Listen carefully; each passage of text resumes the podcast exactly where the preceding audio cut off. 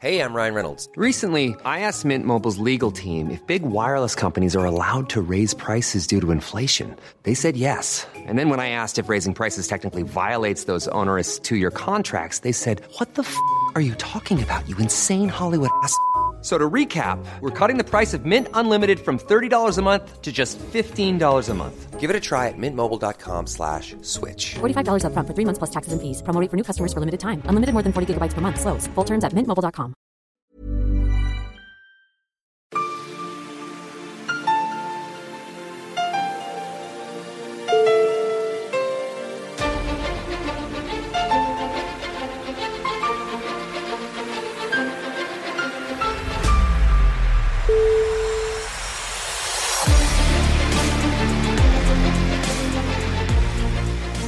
Podcasten Militärsnack. Där du får militära, kanske svåra, termer förklarade på ett enkelt och lättbegripligt sätt.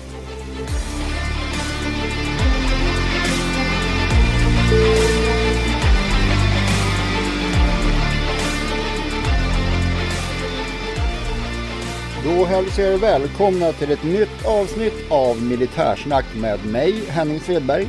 Löjtnant Andersson. I det här avsnittet pratar vi exercis. Avdelning marsch. De flesta har säkert hört när ett befäl skriker en massa kommandoord till sina soldater. Eh, I stora grepp kallas väl det exercis när det handlar om ord som givakt och manöver och liknande. Jajamensan. Man kan säga så här att eh, militärchef han leder sina trupper med order, kommandon, tecken och signaler. Och det här Mm. som du pratar om det är kommandoord. Och de eh, historiskt var... Varför har vi exercis? Ja, vi ska skilja lite nu på, för det finns ju moderna kommandoord som eh, eld när man ska skjuta och det är en helt annat kapitel. Utan nu håller vi oss till exercisen. Mm. Men historiskt sett så var det ju ett sätt att kriga på.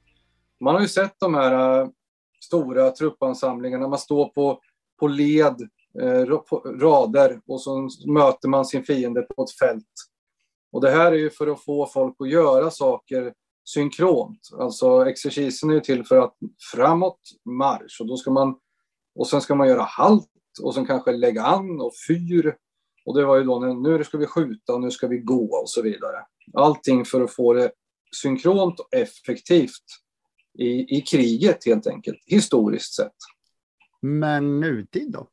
Mm.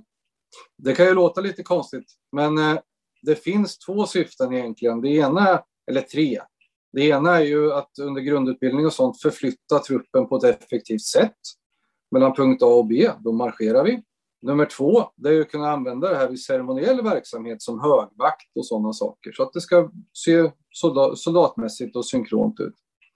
Eh, Det tredje, det är ju att vi jobbar ju fortfarande som jag sa med order, kommandon, tecken och signaler. Bara att det är ju inte samma och vi- marscherar ju inte mot motståndaren.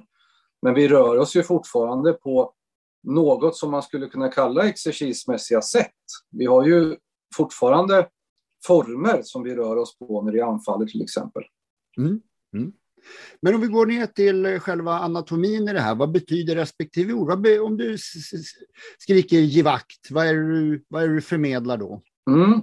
De flesta av de här orden är ju kopplat till att eh, soldaten ska göra en specifik rörelse eller en åtgärd. Det behöver vi inte gå in på. Men ge vakt, det betyder egentligen att man ska ha fullständig uppmärksamhet. Och sen ska man inta en viss fysisk position också.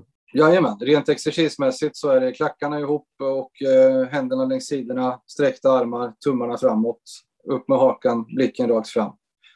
En tjusig pose alltså. Den klassiskaste av de klassiska soldatposerna skulle jag säga. Och den som är lite mindre formell då, eller lite mindre stilfull, är den som kallas manöver.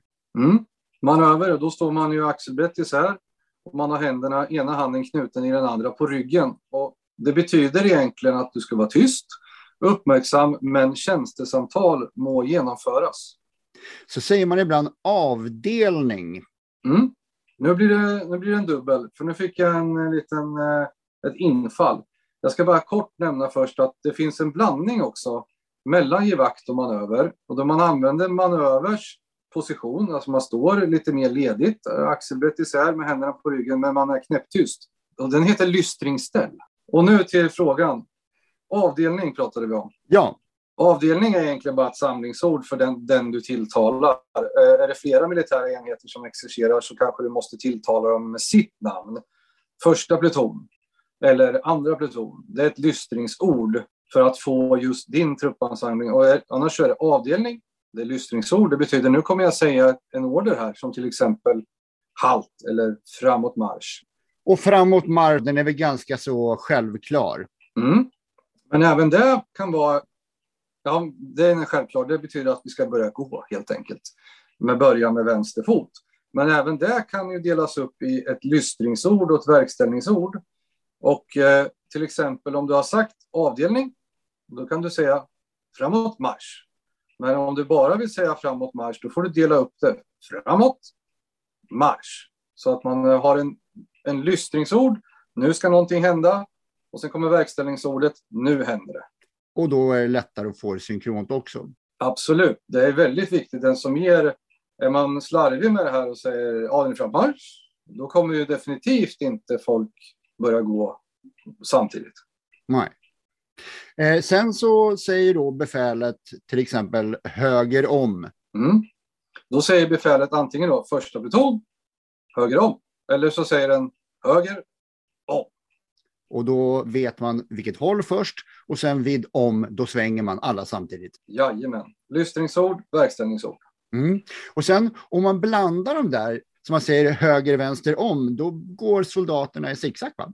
Mm. Nej, nej, det gör de inte. Höger, vänster, om, eh, det betyder egentligen att eh, nu är vi färdiga, nu får ni gå och göra vad ni vill. Vi är, det, det, oftast används det på slutet av, av dagen. Ja, okej. Okay. Och eh, givetvis så har vi då ordet halt som betyder stanna. Absolut. Och det är också Svårare. avdelning halt. Jajamensan. Men nu gör vi så här, då går vi ut på gården och så övar vi lite du och jag. Det tycker jag. Med de kommandoorden har vi fått de grundläggande orden i exercis förklarade. Och som vanligt tackar vi löjtnant Andersson och er lyssnare också. Glöm inte att kolla på hemsidan och gå in på Facebook, gilla och dela. Hej!